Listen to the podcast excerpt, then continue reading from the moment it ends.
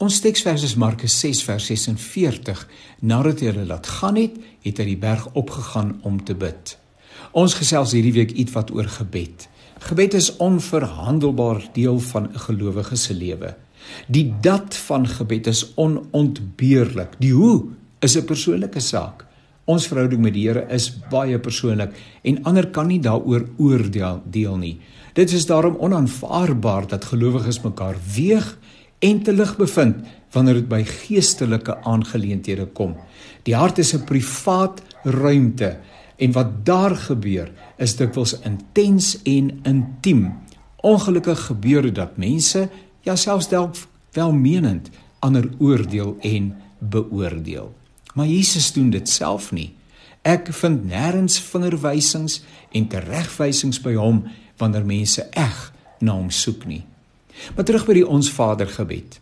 In die stilte van jou binnekamer, sê Jesus, waar niemand sien nie en daar nie roem en erkenning is nie.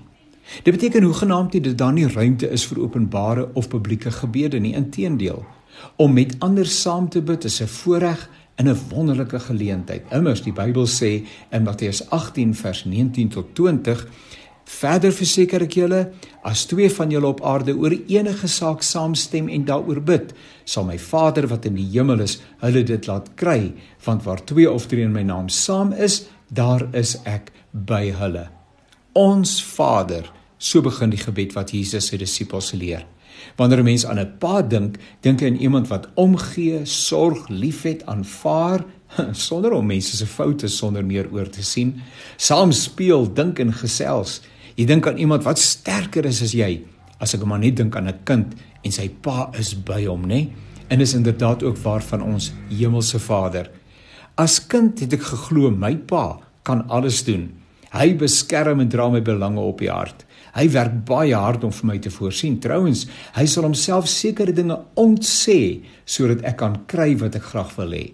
In oordragtelike sin was dit ook en is dit ook die gesindheid van ons hemelse Vader. In Christus Jesus het hy inderdaad opofferend uh, sy lewe afgelê sodat ons die lewe by sy Vader as 'n erfenis kan ontvang.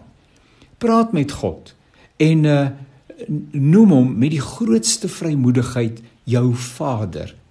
En hierdie is nou nie weer 'n uitnodiging dat ons van mekaar sal verskil oor wat God se naam dan nou eintlik is nie. Hy sê Vader en ek en jy mag dit ook sê. Ons Vader wat in die hemel is.